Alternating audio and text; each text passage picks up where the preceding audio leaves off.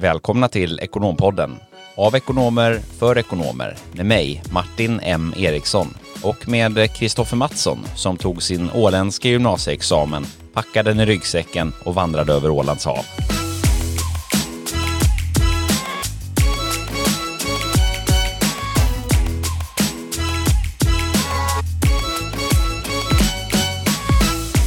Härligt att vara i studion igen Martin. Ja, det är samma. Har du eh, återhämtat dig efter förmiddagens eh, paddelspel på NK? Ja, just det. Ja, men, eh, vi var här och testade den här nya, eh, det här nya skrytbygget på taket där ovanför parkaden på, på NK. Eh, riktigt härligt. De har ju några av banorna är så att säga under tak eh, och eh, några är ja, inglasade då eller med nät sådär så att bollen inte ska bli över. Men det var riktigt, riktigt schysst. 12-13 eh, grader och strålande sol här och ett riktigt stekarställe för, för de som gillar den miljön. De har också ett utegym som man kan köra där barbröstad och, och eh, kombinera det med paddel. Och jag tror de har en bar där uppe också. Så det är väl sådär 700-800 kronor eh, i timmen. Mm. Så det, det, det, det, det, ja. det är stabil eh, prislapp på paddel alltså. Ja, det är ju det verkligen. Eh, samtidigt så tror jag att det kommer flyga här på, på NK också. Framförallt är det väl en av de, det är väl den enda egentligen paddelbanan som man faktiskt kan ta sig till på ett drägligt sätt som finns liksom i, i stan. Eh, annars är det väl Frihamnen då egentligen som, som finns. Ja, men, men verkligen. Nej, men det är riktigt härligt. Man känner ju, eh, känner ju sig tagg på eh, utomhusträning överlag nu. Eh, jag själv eh, håller ju på och planerar ehm, en eh, kul utmaning som vi ska göra i sommar, jag och ett par vänner. Eh, vi kommer att cykla Stockholm-Göteborg faktiskt. Eh, så att det är, är riktigt kul eh, sån här grej som jag själv faktiskt har eh, tänkt på i många års tid att jag väldigt gärna skulle vilja göra. Hur lång tid eh, kommer det ta då?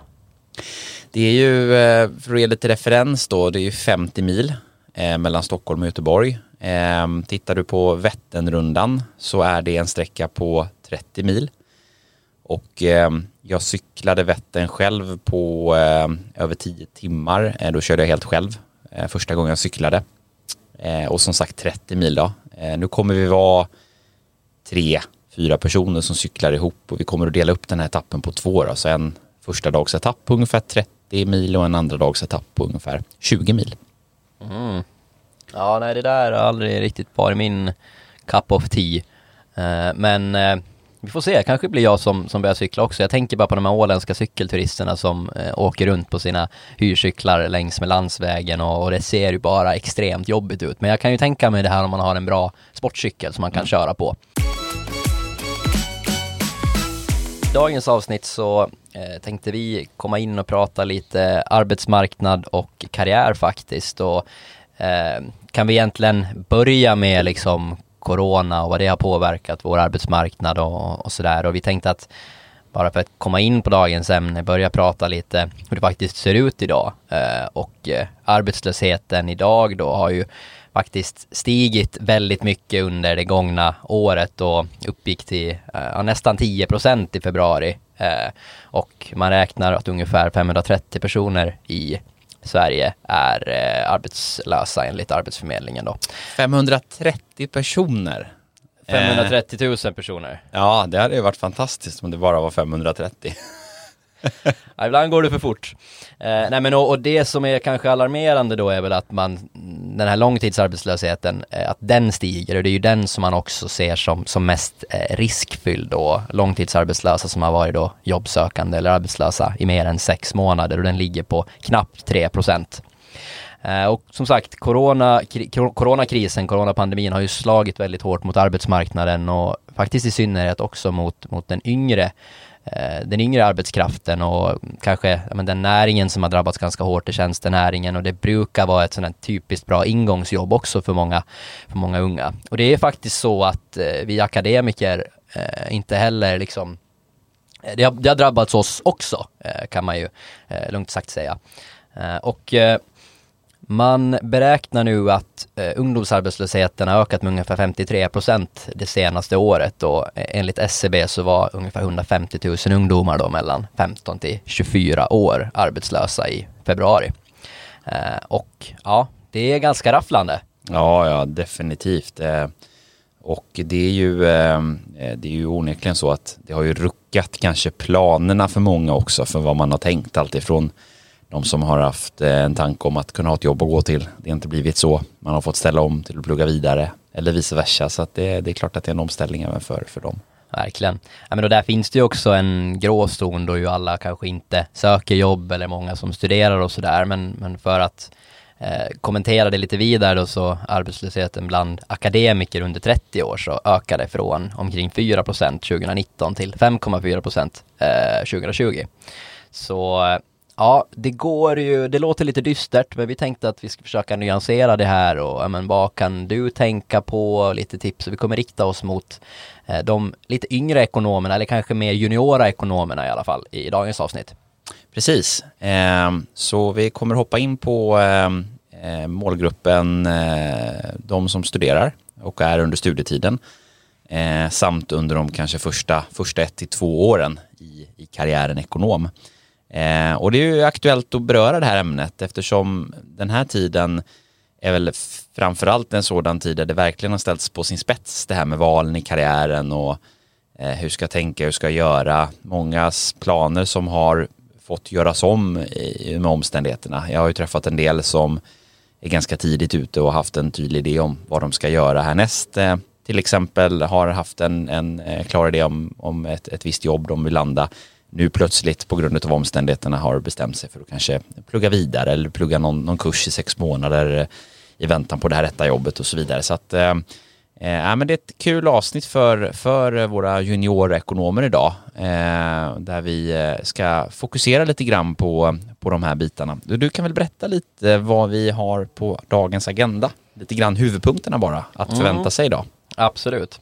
Eh, ja, men som sagt, vi tänkte börja försöka ja, men, diskutera begreppet ekonom då, det är ju väldigt bred eh, benämning och eh, kanske gå vidare sen då till att ja, men, hur tänker man kring studier och hur länge bör man, ska man plugga, men, två, tre år eller fem år eller kanske eh, en yrkeshögskoleutbildning. Eh, hur, eller vad kan du tänka på för att bli anställningsbar? Det handlar ju de facto mer Eh, om mycket, mycket mer än bara så att säga din utbildning och din utbildningsnivå.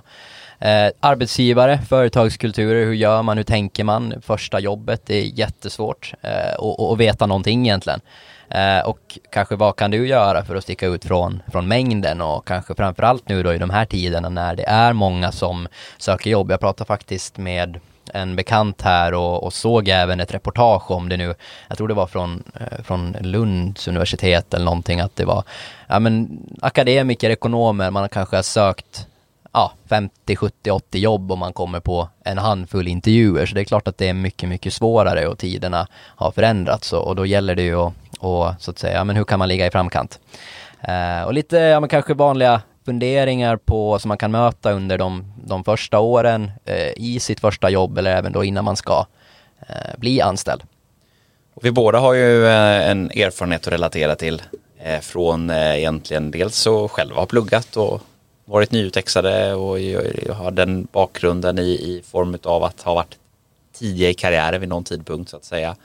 Och sen har vi jobbat också under eh, väldigt lång tid med, eh, eh med just eh, ekonomer och ju mött en del juniorer också genom åren. Ja, verkligen. Vi, vi pratar ju med jättemånga ekonomer här varje dag, varje vecka och även våra kunder så bildar ju vi oss en ganska god bild av vad de förväntar sig, vad de lägger värde i, men om man pratar ett CV eller arbetserfarenhet och, och sådär. Så förhoppningsvis ska vi kunna bidra med, eh, med lite tänkvärt och, och, och allmän, eller nyttigt för er. Verkligen. Vi eh, hoppar in då och tänkte väl eh, börja och definiera just det här begreppet ekonom som ju är en väldigt bred benämning får man väl lov att säga. Eh, ekonomen tillhör väl den yrkeskategorin som väl har den en av de mer vida benämningarna eh, faktiskt. Det finns ju en uppsjö av yrkesroller man kan jobba med eh, där man kan titulera sig ekonom på ett eller annat sätt. Och likväl så hittar man ju eh, ekonomens utbildningsbakgrund från väldigt många olika eh, ställen också. Eller många olika, men ett antal olika. Eh, vi ser ju till exempel eh, ingenjörer som, som jobbar i, i eh, ekonomi eller ekonomrelaterade eller ekonomirelaterade yrken. Likväl som de som har pluggat fem år på Handelshögskolan som knappt, som vars jobb inte har det minsta med ekonomi att göra. Trots det så är man ju en ekonom. Så det, det är en, en lite kul, eh, det är ett, ett väldigt roligt på så sätt område. Det är det som gör det här ekonomen ganska allmängiltig också. Varför många av de ämnena som vi till exempel berör i, i här i podden blir ju ganska mottagliga för eller riktade till egentligen eh, också den stora massan av, av ekonomer. Ja, verkligen, någonstans handlar det ju i grund och botten om att hushålla med begränsade resurser. Eh, ja, det, det, precis, det är den eh, akademiska definitionen av, av eh, ekonomi, är det inte så? Ja, precis, och, och, kanske vad en ekonom i, på ett eller annat sätt gör eller strävar efter så att säga. Att, att genom ekonomisk planering och, och, och sådär så ska man kunna hushålla på ett eller annat sätt då. Mm, ja, men precis. Eh, och vad säger vi om det här med, med eh, olika typer av utbildningar då? Hur ska man tänka och resonera där då? Det här med att plugga två år, plugga tre år, ska plugga fem år? Ja, eh, jag tror vi kan börja med att kanske fastslå att det har ju ändå skett Eh, definitivt ett, ett skifte i det här, alltså från att det ska vara liksom, ja, men, akademisk examen, eh, det är nästan ett krav så att säga och kanske jämfört med, jag menar, våra, våra föräldrar som kanske inte har egentligen någon, någon universitets eller akademisk utbildning överhuvudtaget, eller vår generation ska vi säga, våra föräldrars generation. Eh, så det har ju blivit ett väldigt eh, rejält skifte att man utbildar sig idag eh, och man gör det, eh, ja, tre, tre år plus är väl det vanliga. Mm. Nej, verkligen. Och eh, det har ju också varit eh, en tid här nu senaste åren där de här yrkeshögskolorna eh, har, eh, har minst sagt exploderat och inom vissa yrkesområden, nischade yrkeskategorier eh, är faktiskt mångt mer eftertraktade än, än kanske en konventionell högskoleutbildning. Verkligen, det finns ju ganska mycket fördomar kring de här eh, yrkesutbildningarna och, och jag menar framförallt så eh, det är inte bara liksom praktiska eh, saker längre, hantverkare och sådär, utan det är ju allra högsta grad kvalificerade yrken och jag menar ekonomirelaterade jurister och, och etc. Och, och eh, många kan ju till och med hävda att ja, men det är ett bra sätt. Man får ju den här automatiska lärande i arbeteperioden och man får komma in, få foten på, på ett eller ett företag och sådär. eh, många kan tycka att det är snarare en fördel än att man bara har den här eh, akademiska och teoretiska kunskapen. Ja, precis. Och jag tänker också eh, valet av, av eh, eller valet, men faktumet kring utbildningstid kan ju också ha en stark påverkan på specifikt varför Eh, för målbilder man har i åtanke. Eh, det finns ju vissa yrkeskategorier som ju kräver en viss utbildningslängd eh, därför att det finns grundkrav. Du till exempel eh, tar jurister, nu, nu är det ett sidospår här men det är ett ganska bra exempel att vill du jobba till exempel som åklagare eh, så behöver du sitta ting. Och för att sitta ting så krävs ju en, en avlagd examen och den är ju tydligt vad den definieras av så att säga. Precis, och, och likväl som mig själv då som eh, ja, pluggade och blev sedan och jobbade med revision så finns det ju vissa krav på eh, vad, vilka kurser du behöver ha. Ja, men du kanske behöver ha eh, handelsrätt eller eh, skatterätt eller eh, sådär. Så det här med valet av, eh, av utbildningslängd landar väl dels såklart nummer ett på vad har jag för målbild in mind eller vad kan jag teoretiskt tänka mig för typ av yrken som jag vill jobba med och då blir det ju onekligen så att det kanske det, det blir ju onekligen så att det då styr eh, valen till viss del. Så kan det vara. Det, det är ju som jag kanske ställde mig själv frågan är att ja men ska jag ska jag, jag läste ju själv civilekonom i Örebro och eh, skrev i min masteruppsats och sådär och jag pluggade fyra år och då var min frågeställning att ja men vad ger det mig att läsa ett extra år och, och få min master eller ska jag börja jobba direkt och så att säga mm, ja, jobba istället för att låna mer pengar så kan jag börja tjäna pengar. Vad är din take på det Martin och som går och funderar kring liksom vad, hur mycket tyngre väger en master till exempel kontra en en kandidatexamen och finns det något enkelt svar där på eh, hur man bör göra eller inte bör göra? Mm. Om, man, om man då eh, exkluderar eh, externa, så att säga, krav på utbildningen.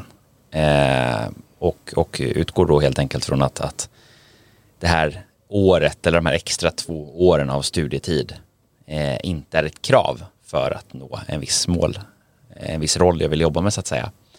Så är det ju de facto så att i de absolut allra flesta roller idag när vi rekryterar personer som har jobbat någonstans ett till två år då har man ju byggt på sig en, en bas av dels arbetslivserfarenhet man har också format sin person hyfsat eh, eller påbörjat att göra det i alla fall eh, och man kanske har på, på sig andra typer av kunskaper och erfarenheter där den samlade, när vi tittar på den samlade bedömningen på en enskild kandidat så väger de där sista utbildningsåren faktiskt väldigt, väldigt lite. Eh, det finns ju vissa yrkeskategorier där konkurrensen kan vara väldigt hög. Där det finns många arbetsgivare som ju fortfarande idag har en, en ganska eh, konservativ syn på det här med utbildningsbakgrund. Och då när det finns ett stort utbud av potentiella kandidater då kan man ju sätta som ett skallkrav att ja, men vi prioriterar alla som har eh, fem års utbildning framför de som har tre års utbildning. Och sen så kommer det ändå vara så pass många att vi av dem kommer kunna välja de som har en relevant erfarenhet, kanske har jobbat extra under studietiden, aktivt engagerat sig i kåren eller har byggt, eh, kanske drivit ett eget företag vid sidan av eller byggt på sig någon annan typ av meriterande erfarenhet som gör, som gör då att man, man väljer de personerna. Ja, om man resonerar vidare där då, eh, tar till exempel att eh, engagera sig vid sidan av studierna eh, kontra då kanske att få väldigt, väldigt bra betyg. Eh, hur mycket fokus läggs det på betyg idag och tittar man överhuvudtaget på betyg? Ja, det skiljer sig väldigt åt ska jag säga från olika typer av arbetsgivare och eh, samma sak här så är väl min uppfattning att det har gått mer och mer åt den här samlade bedömningen. Alltså om du, om du kan påvisa att jag har eh, medvetet valt att lägga mig på den här ambitionsnivån i studierna till förmån för att jag har engagerat mig i de här, eh, de här sakerna vid sidan av. Kanske till exempel att du har läst en dubbelexamen. Eh, så att läst företagsekonomi och nationalekonomi eh, kurser parallellt och på så sätt läst på, på 150 procent under kanske ett år till förmån för att då få en bredare kompetens. Ja, men då är det klart att det är ju en tydlig anledning. Eh, men, men eh, då ska det ju finnas såklart en, en, en aspekt du kan, där du kan liksom bygga en, en tydlig meritbas på ett annat sätt då. Eh, om du har prioriterat bort kvaliteten i, i dina studieresultat. Det är väl en, en god tanke att ha med sig. Mm. Ja, men jag, jag håller med dig och eh, spontan reflektion och sådär och den uppfattningen man får och jag har fått under de senaste åren är väl att det har skett ett litet skifte kanske från det här slaviska att det ska vara de, de, de absolut mest välrenoverade, välrenommerade universiteten Eh, till att det blir en mer samlad bedömning och att faktiskt arbetslivserfarenhet väger väldigt, väldigt tungt. Det kanske till och med kan väga tyngre eh, att du har jobbat ett eller två år efter din kandidatexamen kontra en som faktiskt kommer ut med, med den teoretiska förståelsen då i en femårig master till exempel. Med det sagt så givet att arbetsmarknaden också ser ut som den gör idag under de här tiderna och, och kommer ju även så att säga lida lite under en period framöver så kanske det kan vara skäl att ja, men, eventuellt vässa på sin examen och, och, och sådär. Läsa ett år till eh, för att utvidga eller fördjupa sig. Ja, och det kan finnas andra faktorer som påverkar det där också. Eh, alltså de rent personliga aspekterna som ju kopplas till hur pass väl man kan prestera eller känna sig motiverad. Eh, jag vet ju själv hur det var för egen del. Jag, jag var ju extremt eh, sugen på att få komma ut eh, och jobba och det gjorde jag ju också under hela min studietid när jag pluggade eh, Handels Göteborg så, så var jag ju aktiv samtidigt då och jobbade vid sidan utav och har ju för egen del aldrig sett utbildningen som någonting annat än någonting jag vill, vill göra för att ha gjort det så att säga. Eh, faktiskt. Eh, tittar man på det man pratar om generellt sett ju eh, alltså som man lär sig under en utbildning om man bortser från då eh, till exempel eh, alltså om vi bortser från själva liksom, den hårdkodade kunskapen du lär dig. Tittar man på liksom vad man pratar om också är att en viktig del är ju att det meriterar liksom din förmåga att ta dig an och söka information och jobba igenom information för att nå en slutsats och jobba i team och så vidare. Det är ju sånt jag för egen del lärde mig innan jag började plugga eh, och lärde mig dessutom parallellt med studietiden samtidigt som jag jobbade. Så att eh, för egen del har det inte varit någonting mer än att ha gjort det. Jag har ju en reflektion där och något som jag fortsatt tycker är fascinerande under hela min liksom, akademiska resa, alltså både på gymnasiet och även på universitetet, så förundrades jag alltid över att när ska jag växa upp och börja studera för att faktiskt lära mig saker och inte bara plugga inför tentan. Eh, och jag vet inte riktigt när det skiftet kom någonstans, men jag tror det var när jag liksom började jobba sen så insåg jag att, ja, men, jag tror man lär sig ganska mycket liksom hela tiden, eh, fast man inte tänker på det. Det handlar ju någonstans om din förmåga att samla in information och var du ska hitta den. Men det är alltid något jag funderar ganska mycket över, att när ska jag växa upp och börja eh, lära mig saker, eller plugga för att lära mig och läsa böcker och inte bara liksom göra det för att få en godkänd tenta. Mm. Ja, nej men det, det, är nog, du är nog inte ensam där ska jag säga, eh, utan det finns nog en, en stor, eh, stor andel. Eh, och faktiskt många ekonomer också. Det är ju ibland är ju ekonomutbildningen lite slaskutbildningen. Eh, alltså vet du inte vad du ska bli så blir du ekonom. Eh, det gäller ju inte alla såklart men det gäller ju faktiskt en hel del. Ja, undertecknad eh, helt klart. Jag, jag, jag var en av dem. Eh, kan bara en, en snabb också återkoppling när vi pratar om det här med yrkesutbildningar och sådär. Det finns ju en uppsjö av dem också och vissa kanske som är bättre eller sämre än andra men ett litet medskick där skulle väl vara att faktiskt titta på kursplanen och liksom vad kommer jag att få ut av det här? Och för många av dem så är ganska Ja, de är ganska kostsamma och eh, kanske inte alla är speciellt bra heller och, och liksom hur gångbart är det sen på arbetsmarknaden beroende på vilken utbildning det är och vad man faktiskt har lärt sig. Och vad menar du med kostsamma? Tänker du att man får betala själv för dem? Exakt. Det, jag vet att jag har fått frågor från, från ekonomer i vårt nätverk också som har ringt in om, ja men vad, vad tror du om den här utbildningen? Och så är det något Eh, ja, som jag aldrig har hört förut och så. Så då är det väl det rådet jag gett generellt liksom att, eh, ja, det går inte att köpa sig till, eller det, det, det, det går ju att göra det, men, men så att säga, ja. Man kan säga så här när det gäller de här precis eh, eh YH-utbildningarna då eller eh, andra typer av utbildningar som man kanske får betala för själv så, så kan man ju säga att eh, rådet eh, som jag också tänker på är ju att är det en eh, betald sådan, alla betalar man inte för själv utan vissa är ju så att säga eh, finansierade utav, utav det, det eh, samhällsgemensamma då. Och då tänker jag ju att eh, det kan vara en klok idé att säkerställa att den utbildningen är välrenommerad i den yrkeskategorin som du har för avsikt att jobba inom. Eller är på väg att bli välrenommerad.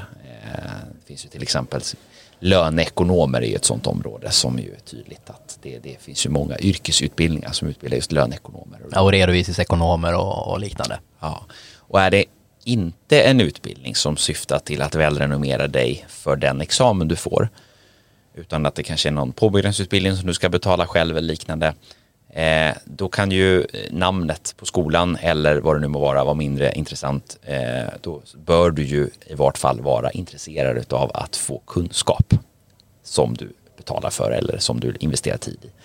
Eh, det kan man ju se också, eh, de som, vissa som väljer vissa vägar faktiskt för att lära sig någonting, om man får, får uttrycka det så, eh, i relation till kanske en stor del av eh, universitetsutbildningarna överlag. Mm. Eh, vi var inne lite på det tidigare, så att det handlar inte bara om utbildningen utan det krävs ju liksom eh, en mix av alla dina egenskaper och, och där är också ett medskick att ja, men, engagera dig mera. Eh, alla typer av liksom, kontaktnät och nätverksträffar på skolor och, och, och sådär. Gör så mycket du kan och bygg ditt kontaktnät. Ja, precis. Du är inne på det här med, med att bli anställningsbar efter utbildningen och det är precis som du konstaterar här att det krävs att förädla annat också. Eh, kontaktnät är ju en sådan del i det. Eh, det, det, är ju en, en utbildning man går, man lämnar den, man ska vidare in i yrkeslivet. Och eh, det finns ju ett antal saker runt omkring som, som man med fördel kan påbörja fokusera på redan under studietiden. Eh, kontaktnät är ju en sådan, att vara ja, men just aktiv i olika typer av kanske arbetsmarknadsdagar eller träffa andra personer som, som är tidigt ute i, som är ute i karriären innan dig för, för att bygga just ett relevant, ett relevant nätverk av duktigt, duktigt folk. Eh, och det finns olika sätt att göra det på. Man kan ju jobba vid sidan av studier. Man kan ju skriva, eh, fokusera på liksom vart man skriver sina examensarbeten. Eh, lägga lite extra kärlek kring det nätverkandet vid den tidpunkten. Eh, jobba under, under somrar till exempel eller på annat sätt så att säga engagera sig för att, att bygga ett, ett nätverk.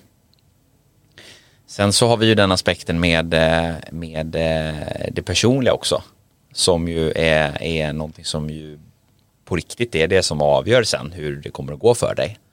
Eh, det har ju gått så långt idag och, och, är ju på den nivån att det är inte en utbildning som kommer att göra jobbet utan det är du som kommer att göra jobbet. Då handlar det väl snarare om hur man ska lyckas komma fram då och nå ut i massan och hur får jag chans att visa min personlighet till dig som rekryterare eller till dig som rekryterande kundföretag? Ja, dels är det ju visa, men jag tänker också det här med att, att utveckla lite kanske egenskaper och utveckla lite förmågor tidigt. Um, alltså titta på, på, på en, en viss um, målbild av uh, dit du ska. Har du till exempel två år kvar i studierna eh, eller ett år kvar i studierna och har en idé om att det är hit jag vill, det, det, är den här rollen jag vill jobba med. Jag vill jobba som controller eller jag vill jobba inom corporate finance eller eh, jag vill eh, starta eget eller vad det än är. Eh, titta lite grann på personer som har, har gjort den resan och som har lyckats hyfsat bra. Eh, bjud ut dem på en lunch eller ta en kaffe med dem eh, och ställ frågan lite grann kring men, vad krävs för att lyckas med det du har lyckats med. Ehm, vilken typ av utmaningar har du stött på? Eh, vilken typ av personliga egenskaper har du utvecklat för att nå dit? Eh, och på så sätt få en lite karta och kompass över vad man ska fokusera på i tidigt, tidigt stadie. Så eh, det, det, det är någonting som man ju inte pratar så mycket om under utbildningen överlag. Det är ju de personliga egenskaperna och personliga skillsen. Det, det är ju det är ju någonting som man faktiskt kan lyfta YH-utbildningarna för att göra. Det har ju en ganska djup förankring till näringslivet genom de här eh, LIA, alltså lärande arbete, LIA-perioderna, praktikperioderna, likväl som mycket gästföreläsningar där, där näringslivet är, är och föreläser för, för studenterna och sådär. Och då kommer man ju in och touchar det här väldigt tidigt. I universitetsvärlden gör man inte alls det på samma sätt och det är ju någonting som ju många som pluggar upplever som en brist också. Att, att det blir ett väldigt skifte från att du är klar i skolan till att du börjar jobba. Det blir ju som en helt annan värld och jag menar det är ju räcker ju att höra många det kan ju du och jag intyga och många andra som säger så här, ja, men nu har jag jobbat i tre år med mitt jobb och jag trivs superbra. Och, ja, vad har jag med mig av skolan? Jag vet inte. Använder väl en procent av vad jag lärde mig kanske under fyra år på universitetet. Eh, och det säger ju någonting också om att det kommer ganska mycket efter universitetet, efter utbildningen. Och jag menar ju tidigare man kan börja förbereda sig på det och ju mer medveten man är om det, desto större sannolikhet är att man når en framgång under de första åren. Så, så personliga skills är någonting och det skiljer sig då åt såklart beroende på vad för typ av ekonomroll man vill jobba med. Vill man ha en väldigt analytiskt lagd roll eller vill man ha en väldigt socialt lagd roll eller vill man ha en projektledande roll kopplas också lite in till hur man är som person. Så börja fokusera lite på de här personliga skillsen tänker jag. Jag vet inte, vad säger du om det? Ja, jag håller helt med dig. Bara den lilla parentesen då att det är ju kanske inte alltid så enkelt att, att veta vid det laget vad man vill göra och då finns det ju som sagt den vägen som till exempel jag gjorde att ja, men, eh, jag pluggar och vill bli ekonom, ja, men då känns det som att jag jag kommer kunna bli anställningsbar på ett eller annat sätt även om jag inte riktigt har bestämt mig eller vet vad det blir. Och som vi kommer komma till lite senare också så tror jag inte att man ska vara så rädd heller för att chansa och bara testa någonting för det är ju aldrig för sent att faktiskt göra en hel omvändning och testa på någonting helt annat. Nej, definitivt, det håller jag verkligen med om. Och jag tänker också att det ena behöver ju inte utesluta det andra. Eh, det är ju så att en del personer är ju väldigt sugna och tidigt börjar fundera på vad ska jag göra med livet här så att säga efter, efter examen. Och Eh, då kan man få väldigt mycket ut tror jag av att prata med, med andra som själva har gått olika vägar och inte eh, rädas för att kanske ställa dem, ställa de frågorna också. Så äh, det är intressant och vad säger du om det här med när vi ändå är inne på det här med att bli anställningsbar då? Vi behöver inte uppehålla oss så länge vid det men äh, ska man ha bild på CVt eller inte? Min spontana eh, fundering kring det är att det kan alltid vara trevligt med en bild men jag skulle ändå förknippa det mest med risk liksom. Att om man tittar på ett CV med en bild så, så är det ju, vi är ändå människor allihopa och vi, vi har våra fördomar och jag tror att de kan späs på av att se en bild, även om det liksom Sen finns det ju, jag menar om du känner att jag vill verkligen ha en bild, ja men tänk på hur den bilden är tagen och hur den ser ut och då kanske du ska vara lite corporate klädd om man uttrycker det så. Lite beroende på vad naturligtvis för för roll du, du söker. Men min, min eh, uppfattning är att eh, kör CV utan bild. Men det finns som sagt inget rätt eller, eller fel. Eh, och det är ju, man kan ju koppla det där också, man ska CVt vara en sida där man har liksom punkt 7 eh, och man knappt ser vad det står och alla erfarenheter eller meriter eller ska man ha flera sidor? Eh, jag, jag tror att det är lite samma sak där, att, att det finns inget rätt och fel, utan tänk snarare på att ha en bra tydlig struktur och så att det ser lite proffsigt ut och kanske inte kör alla möjliga färger och färgkombinationer och, och ja, man, man har fått se många CVn i sina dagar och det, det som direkt kan man nästan vilja rata dem som inte har lagt ner eh, en tanke bakom upprättandet. Svenska eller engelska, ja men utgå från Eh, kanske jobbet du söker. Är annonsen på engelska då kanske du ska skicka in ditt CV på engelska och, och vice versa. Vad, vad har du för tankar kring CVet då kort Martin? Jag tycker du summerar det väldigt bra faktiskt. Ehm, jag tänker väl att eh, syftet är viktigt återigen. Vad vill jag få fram här? Eh, och eh, jag, jag, kan ju spontant, när man ser de här ensides ambitionerna ibland så, så är det ju liksom på bekostnad av att man sitter med typ snitt sju i läsbarhet. Och skriver man ut det på en konventionell skrivare så har inte ens skrivaren den upplösningen att man ser vad det står. Nej, så är det. Samtidigt kan jag uppskatta liksom, man har ett CV och sen kanske man har ett appendix där man beskriver lite mer ingående vilka uppdrag man har varit på och vilka, vad man har gjort på respektive ställe och sådär. Mm. Eh, men eh, nej, väldigt, väldigt spännande och eh, som sagt finns väl inget rätt eller fel och där kan ju både jag och Martin vara till hjälp om det är så att man har funderingar och, och liksom är mitt eh, CV gångbart, hur ser det ut, borde man ändra på det? Ja, men, skicka in det till oss så, så kikar vi gärna på det. Någonting som jag har tipsat mycket om eh, under åren till väldigt många det är att man tidigt i CVt längst upp gärna ger ett stycke målbildsbeskrivning och personlig beskrivning. Jag tycker att eh, CVt är ju, alltså när jag tittar på en ansökningshandling, om jag får ett CV, ett personligt brev och, och sådär så, så brukar jag direkt ta upp CV därför att det går fort att bilda sig en uppfattning men det är ju också styrt mycket mot liksom, fördomar på det sättet att bara för att du har pluggat någonting eller jobbat med någonting så betyder det inte att det är det du vill göra framåt. Så ju snabbare du kan ge läsaren en bild av vem du är och vad du vill, desto bättre. Så det, det tror jag brukar ge till alla att tidigt uppe ha liksom en kort beskrivning av vem är du, vad trivs du för kontext och miljö och eh, vad har du för, för mål och vad vill du jobba med. Eh, så kan man på 30 sekunder bilda sig den uppfattningen så, så har man kommit långt. Så en liten sån ingress där uppe kan vara en fördel. Ska vi hoppa in på valet av eh, arbetsgivare då? Ja, det tycker jag. Vad, vad ska man titta efter? Vad är viktigt? Och liksom, det är ju väldigt svårt när man kommer ut. Det finns en djungel av bolag där ute. Ska jag ställa några krav? Eh, och vad, vad kan man tänka på? Vad finns det för olika möjligheter och sådär? Hur var det för dig när du, eh, när du var klar? Du hamnade ju på PVC som revisorsassistent och började den karriären.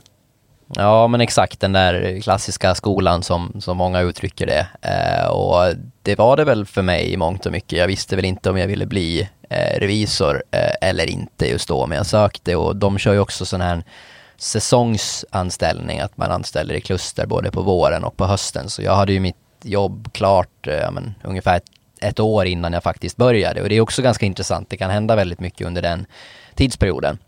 Eh, men för min del så, så kändes det ändå eh, tryggt att komma in liksom. Jag hade hört gott om, om företaget och kände att men, det här blir ett bra sätt för mig att bygga, eh, bygga på min arbetserfarenhet och lära mig om olika företag och organisationer och, och försöka då hitta, identifiera vad jag vill göra på lång sikt. Det är ju svårt när man är helt ny och där eh, tycker väl jag att man bör ha en ödmjukhet inför, Eh, inför det här liksom, eller den här ambitionen om att känna att man måste välja rätt från början. För det är svårt. Tittar vi till exempel på revision så är ju revision ett område där det har varit en, funnits historiskt sett en, en ganska stark uppfattning om att man byter inte arbetsgivare. Utan du gör en revisorskarriär på samma byrå. Så har det historiskt sett sett ut. Man har i väldigt liten utsträckning bytt, bytt byrå och det har varit ganska sällsynt faktiskt att man gör byråbyten under, under karriären. Eh, och det är ju ett exempel på ett sånt faktum som jag har ifrågasatt ganska många år. Eh, just mot bakgrund av att du kanske trivs superbra i revision men typen av företag du jobbar på. Ska jag vara på en stor eh, revisionsbyrå eller ska jag vara på en liten revisionsbyrå? Eh, ska jag vara på en revisionsbyrå som är inriktad mot eh, små entreprenörsdrivna tillväxtbolag eller ska jag vara på en revisionsbyrå som har massa OMXS 30-kunder, börsnoterade bolag eh, och jobba i den miljön. Det är frågor som man inte nödvändigtvis har ett svar på när man söker eh, sin arbetsgivare ett och ett halvt år innan examen. Och det är ju då, tycker jag, en, en, liksom en poäng med att man, man kan gå in lite ödmjukt inför den. Inför det faktumet att det inte behöva ställa så höga krav. Utan det finns ju idag, och det har vi ju dessutom sett idag nu, att, att flyttarna mellan byråer ökar ju. Det har ju varit en extrem tillväxt på, på strategier kring att rekrytera från konkurrenter och så vidare. Och, och jag tycker inte att det är fel, utan jag tror att det, det finns en sundhet i att, att öppna upp för en, en viss rotation. Vad säger du där? Jag håller helt med. Eh, och också kanske en ödmjukhet inför liksom, ja, men lön och andra anställningsvillkor. Att det kanske inte är nu jag behöver tjäna storpengarna om man uttrycker det så, utan det, det, det kanske får komma eh, med sikt också, komma in på ett bra, trevligt ställe där, eh, där man kan börja bygga sitt CV då. Precis. Eh, det här med företagskultur är också någonting som är jäkligt svårt. Alltså, vad, vad är företagskultur? Det här kommer vi ju komma in på i senare avsnitt av Ekonompodden och prata mer om det. Men eh, det påverkas ju såklart också av de här faktumen som vi, som vi pratar om idag, lite med kopplat till storlek på bolag och, och lite sådär. Eh, men det finns ju också bolag som har eh, exempelvis eh, vissa utländska ägare där det präglas ganska mycket på företagskulturen, liksom små entreprenörsdrivna eh, startups eller scale-ups som, som har en helt annan kultur. Så att eh, det här är väl också lite tillbaks till vem man är och vad man trivs för, för kontext eh, och vara lite ödmjuk inför det med. Verkligen och kanske pröva sig fram lite och just det där, har en bekant liksom som beskriver att ja, man har kanske varit på en på en eh, lite mer då kvinnodominerande arbetsplats och där kanske man pratar om vem som har en tampong och, och, och låna liksom eh, strax innan lunch. Medan på ett, på ett annat företag så, så är det mycket, mycket hårdare och, och, och rakare och kanske mer mansdominerad kultur. Men då är det ett helt annat klimat i kafferummet och i det öppna landskapet. Eh, och ingenting behöver ju vara varken rätt eller, eller fel. Men det är ju någonting som man också kan fundera. Att jag menar, det är ju rätt vanligt att man går ut och så tar man sitt första jobb och sen så har man inte så mycket andra referenspunkter och då är det svårt att och, och, ta så mycket ställning till vad man trivs i eller vad man inte trivs i. Nej, verkligen. Det är, det är ju som du säger, det är, det är väldigt individuellt det här och, eh, och eh, det är väl en fördel att och, eh, faktiskt reflektera lite över den frågan och, och, inte vara rädd för att utmana sig själv heller där. Och där är ju till exempel traineeprogram eller ja, någon form av praktik av något slag ett väldigt, väldigt bra sätt att faktiskt komma in och, och få utmanas i, i en viss miljö eller en arbetsroll. När det gäller eh, att söka jobb och eh, till exempel då titta på eh, ett traineeprogram eller titta på en anställning så, så är det här med omvända referenser ett, ett sånt här generellt bra tips som vi vill lämna. alltså att som, visst det kan ju kanske kännas som nyutexad eller tidigt i karriären att vad, vad har jag att komma med här men för att det ska bli rätt du, du, vill ju också som enskild medarbetare säkerställa att du liksom har de förutsättningarna att hamna rätt. Även om man som sagt ska vara mycket för faktumet så kan ju alltid ambitionen i vart fall finnas där. Och eh, ett bra sätt att lära känna bolaget är ju att också prata med personer som jobbar där eller som har jobbat där. Eh, man får komma till fikat och träffa kollegorna eller ta ett one-to-one med någon, eh, någon medarbetare som kanske har samma utbildningsbakgrund eller har liksom jobbat eh, i ett till två år eh, in i, i, i, en sån liknande roll som man själv söker till. Tittar vi på traineeprogram så kan det vara en fördel och, och kanske titta lite på hur har det gått för dem som gick det här programmet och vad hade de för insikter och reflektioner kring det. Så att, eh, eh att, att titta lite grann på personer som har gått den vägen och försöka hämta lite insikter och inspiration därifrån. Mm. Ja, jag, håller, jag håller med. Eh, ska vi gå vidare lite från, vi pratar ju här inledningsvis att, att det är ganska, ja men hur ska man sticka ut från mängden? Det, har, det är en tuff arbetsmarknad som många av er nyutexaminerade eller som går så att säga den, den vägen. Eh, det, det, det är tufft där ute och det är många som, som inte så att säga får ett jobb trots att man söker det. Och det var en person som sa till mig här en gång för många, många år sedan att om du söker 100 jobb så kommer du få ett av dem. Och även om ja, det kanske kan vara till en liten tröst för somliga, men jag tror någonstans att det ligger ganska mycket i det och sen kanske det, så att säga, vidare mm, argument kring det skulle vara då att ja men blir man, blir man tvungen att ta ett jobb som kanske är lite underkvalificerat det du har utbildat dig till under en period och finns det risker kopplade till det eller är det så att säga bättre att man ändå kommer ut och, och får börja jobba eller hur tänker du Martin?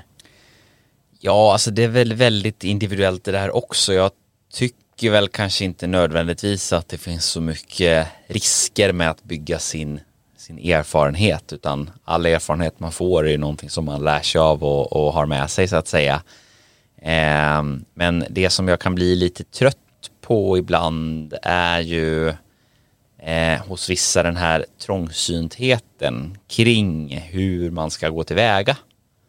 Alltså det är ju år 2021 idag Eh, vi har ju en, en utveckling i världen som inte är utan dess, utav dess, dess lika, så det går ju så sjukt fort idag. Eh, och vi ser ju liksom hur världen blir allt mer och mer eh, ja, globaliserad, möjligheter ökas eh, upp och det finns ju en, en, en hel värld av möjligheter bokstavligt talat. Eh, trots det så är synen på hur det ska gå till att söka ett jobb eh, väldigt trång. Verkligen. Och där uppmanar väl vi någonstans till lite kreativitet, alltså som, som jag brukar säga, men gå och knacka dörr eller ta upp gula sidorna och, och ring, eh, var lite ihärdiga så, så kommer det att lösa sig. Jag Finns menar, gula det... sidorna kvar på Åland? Nej men, men jag, jag tänker liksom att eh, det är klart att det kommer vara svårare om du skickar en, en sedvanlig ansökan som 150 eller 200 andra personer också gör. Försök tänka lite utanför boxen. Hur kan jag faktiskt göra för att nå fram? Bara ett, ett enkelt sätt som jag tycker alla borde göra och, och sådär när arbetsmarknaden ändå har förändrats. Att från att man kanske plockar guldkorden lite mer liksom headhunting style så handlar det idag mycket för, för rekryterande företag att eh, ja, välja ut guldklimparna eh, i ett stort, stort urval av, av kandidater.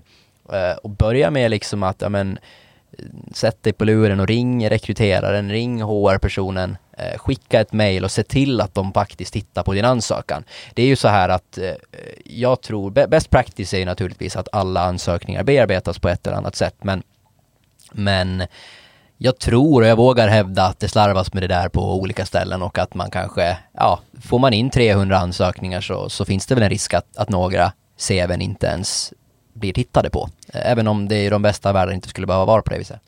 Ja, precis. Och där jobbar man ju från bolagens perspektiv med olika typer av att titta på och försöka hitta olika metoder för hur man kan screena större ansökningsmängder. Alltså man till exempel kanske kan lägga in urvalsfrågor där man får, får lite där man får liksom ett, ett bredare eh, informationsunderlag från, från de här sökandena och på så sätt göra ett, ett, ett mer pricksäkert urval tidigt i processen.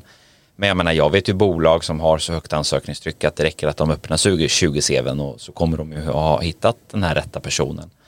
Eh, likväl som att det finns de bolagen som säger att nej, vi, vi behöver knappt titta på de som söker därför att det är, det är inte den kvaliteten vi vill ha utan vi behöver gå andra vägar för att hitta våra medarbetare. Så att det här ser väldigt, väldigt olika ut.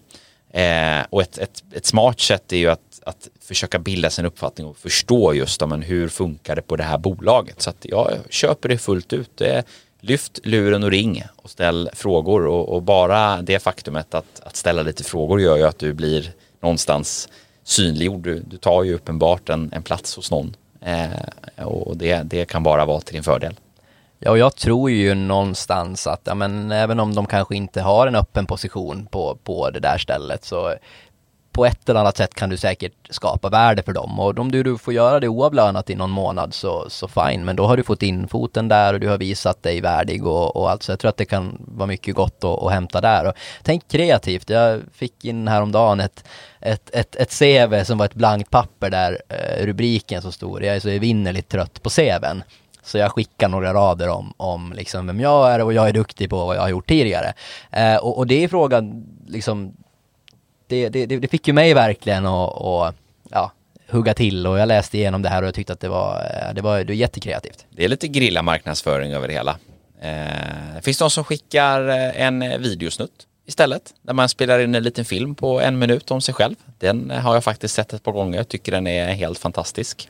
Och ändå förvånansvärt sällan man, man får in den typen av ansökan fast det egentligen skulle kunna vara ett ganska bra sätt att få, få ett, uh, ja, ett ansikte och en röst på, på en ansökan. Verkligen, och återigen det här ena utesluter ju inte det andra som jag brukar säga, utan du kan göra både och. Du har ju såklart ett vanligt CV, och ett vanligt eh, ansökningsförfarande som du gör, men du skickar dessutom en, en liten eh, en kort videosnutt om vem du är och varför du är intresserad eh, till, till kanske den som rekryterar eller till den rekryterade chefen eller vem, vem det nu än är som är ansvarig för processen. Så att eh, våga tänka lite utanför boxen. Allt handlar ju om, om att vara eh, synlig. Syns du och hörs du så, så är det ju större sannolikhet att du blir uppmärksammad och, och, det är ju det du vill bli så att säga. Givet, att du, givet allt annat lika så har du en konkurrensfördel i en sån situation. Det kan vi väl lite, eller ja Martin, vad hade du på? Nej, men jag tänkte också spontan eh, inflika apropå det här också med att synas och höras. Eh, två saker till där jag tänkte flika in och det är dels att ju också höra av sig till eh, bolagen i fråga eh, och, och, ställa lite frågor som inte har med ansökningsprocessen att göra utan hör av dig och bjud ut chefen på lunch eller någon person i, i internt i organisationen. Jag ser att du eh, har gått på samma skola som mig och jobbar i det här företaget i en sån här roll.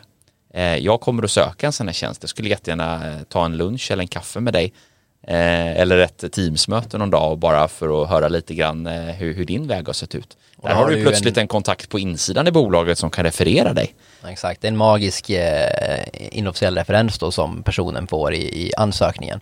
Jättebra så, tips. Och, och, det här är ju liksom, det, det är så mycket sånt här som är självklarheter i näringslivet när man jobbar i olika roller som du och jag jobbar i. Vi, vi jobbar i extremt nätverkande yrken och vi bygger relationer varje dag.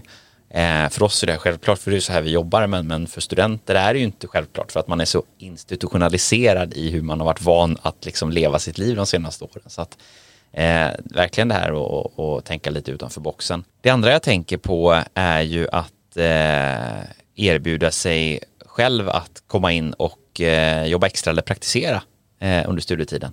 Eh, du var inne på det här med oavlönat och det behöver liksom inte vara en hel månad efter att man är klar med sin examen utan det här kan ju vara ganska tidigt. Eh, nyfiken på ett bolag eller på en bransch eller på en viss typ av roll. Eh, se på var du kan höra av dig och jobba extra och sök inte bara de jobben som finns utan titta på vilka bolag du är intresserad av och hör av dig till bolagen. Eh, ta en, en kaffe med någon och, och eh, visa på ett intresse förvånansvärt ofta kommer du se hur många som, som plötsligt hittar en lucka eller hittar en möjlighet. Och, och eh, det du får är ju en, en himla massa kunskap, nätverk och en erfarenhet att sätta på CVt. Verkligen. Jag är helt enig och, och, där går väl röda tråden någonstans och summeras som var lite kreativ och tänk utanför boxen och kanske sök inte bara de jobb som faktiskt finns att söka utan du kan hitta på egna, egna jobb och menar, ta kontakt med, med företag eh, som du tycker är intressanta och gör spännande saker och, och engagera dig. Om man hamnar i digitala intervjuer då, eh, vad, vad har du att säga där? Ja, det där är ju någonting vi har fått coacha många ekonomer under det gångna året och, och gör det fortsatt och vare sig om det är liksom ens första intervju eller om man har suttit som ekonomichef i 15-16 år och ska man söka nytt jobb eh, och aldrig haft gjort så att säga en digital intervju förut så, så har vi fått coacha ganska mycket. Och det kan man prata ganska evigheter om hur man förbereder sig inför intervju och liksom hur ska jag tänka på och, och ha min röda tråd och kompetensbaserade intervjufrågor och sådär och det kommer vi att återkomma till senare i podden. Men jag kan lite kort bara understryka det med digitala intervjuer som ju ändå är väldigt hett nu och nästan uteslutande så ansökningsprocesserna ser ut då. Det första man bör tänka på är ju verkligen att testa tekniken. Det finns ju ingenting värre än när man skriver i CVt, man skriver i ansökan att man är så jäkla duktig på system och, och, teknik och tekniska förutsättningar och så sitter man där och lyckas inte koppla upp sig på, på, på Teams eller Zoom eller Google Hangouts-mötet. Eh, så börja med det, testa, testa att ljud och, och bild funkar tio minuter innan mötet.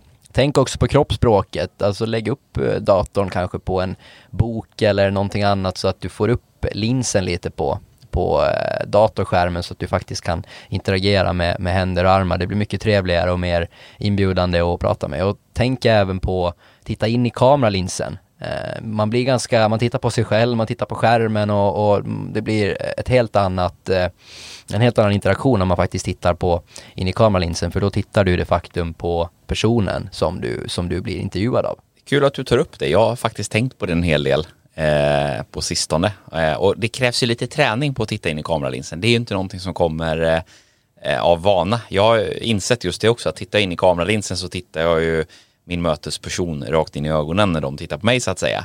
Eh, men men det, i början är det lite ovant att titta in på en, en, liksom, en död lins.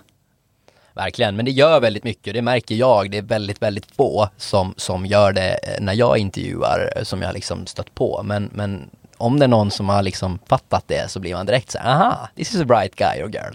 Ett tips för att titta in i kameralinsen, eh, det är faktiskt att switcha vy eh, på skärmen. Så att det jag brukar göra är om jag har eh, ett möte så brukar jag faktiskt switcha över till en annan vy.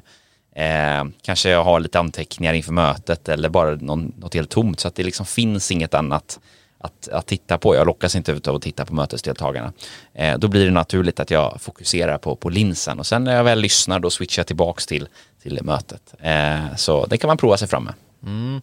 Tänkvärt också, väldigt enkelt men som många också missar liksom att ja men hur, hur ser ljussättningen ut? Sitter jag rakt framför ett fönster som, som lyser på mig eller sitter jag i mörkt, mörkt, ett mörkt rum där jag inte syns? Så att det är bra ljussättning och att du också tänker på vad har jag bakom mig? Alltså är det ett, ett kök med massa stökiga prylar så kommer man att fokusera på omgivningen mer än på, på dig. Eh, så tänk neutralt Eh, neutral bakgrund. Och klädsel, jag menar ut efter roll och person, bara anständigt och då tror jag också att man blir mer liksom på hugget under intervjun. Och sitt heller inte och pilla med annat och liksom skriva anteckna på datorn utan det märks faktiskt trots att man inte kanske tror det vid ett första, eh, ett första eh, anblick. Bra, bra tips som ju många faktiskt kan ha med sig, även inte bara, inte bara juniorekonomer är jag på rätt spår då? Men jag har varit i karriären ett år, två år, tre år eh, och börjar nå liksom någon form av eh, vägskäl. Jag börjar fundera lite grann på, men är det här verkligen rätt för mig? Eh, och vad ska jag göra framåt? Vilka beslut ska jag ta? Jag tänkte vi kan väl eh, hoppa in lite på slutet här och summera lite grann de, de kanske olika situationerna som man lätt hamnar i eh, och vara exempel på vanliga funderingar som, som man möter under de första åren i yrkeslivet. Eh, dels eh, ju den där man kanske konstaterar att jag är i rätt företag, jag trivs superbra i det här bolaget. Men är inte riktigt i rätt roll. Eh, när bolaget stämmer men rollen är fel så eh, finns det ju såklart eh, eh lite saker att göra. Dels är att föra en dialog med sin närmaste ledare om vilken typ av möjligheter till utveckling eller förändring av ens roll som finns. Kanske finns det liknande roller med annan twist på andra avdelningar i bolaget eller någon annan typ av intern förflyttning man kan göra. Eh, det andra alternativet man har om det inte går helt enkelt det är ju att, eh, att eh, försöka titta lite grann på eh, vad är det då som gör att jag trivs så bra i det här bolaget och eh, vilka faktorer är det jag ska titta på nu för nästa bolag när jag söker mig vidare. Vad är det som gör att jag funkar så pass bra in i den här kontexten och, och kulturen och trivs. Eh, vad är det som utmärker det? Eh, sen har vi den andra aspekten, om man har rätt roll. Man tycker att rollen är som handen i handsken, men man är inte i rätt företag. Man inser att det här stämmer liksom inte riktigt miljömässigt, kontextmässigt, kulturmässigt. Eh, när rollen är rätt men bolaget är fel, ja då, då eh, kanske det inte alltid finns sådär supermycket att göra eh, internt ska jag säga. Eh, det är svårt att ändra på ett företagskultur. Man kan ändra på en arbetsuppgift, man kan ändra på en roll, man kan ändra på väldigt mycket som har med dig själv att göra och med ditt närmsta att göra. Men det är svårt att förändra en hel bolagskultur. Det är svårt att förändra bolagsstyrning eh, och ledning. Om det är ett stort bolag, det vill säga små bolag är en helt annan femma. Där är du så pass nära och det är så pass litet att det går väldigt fort att förändra. Men, men är det stort så, så kan det vara lite, lite svårare. Eh, vad, vad gör man då när man inser kanske också att man har andra intressen än vad som stimuleras eller man känner liksom att man vill utvecklas åt en viss riktning, man inte får 100% den stimulansen inom ramen för sin roll. Har du några idéer på lösningar där?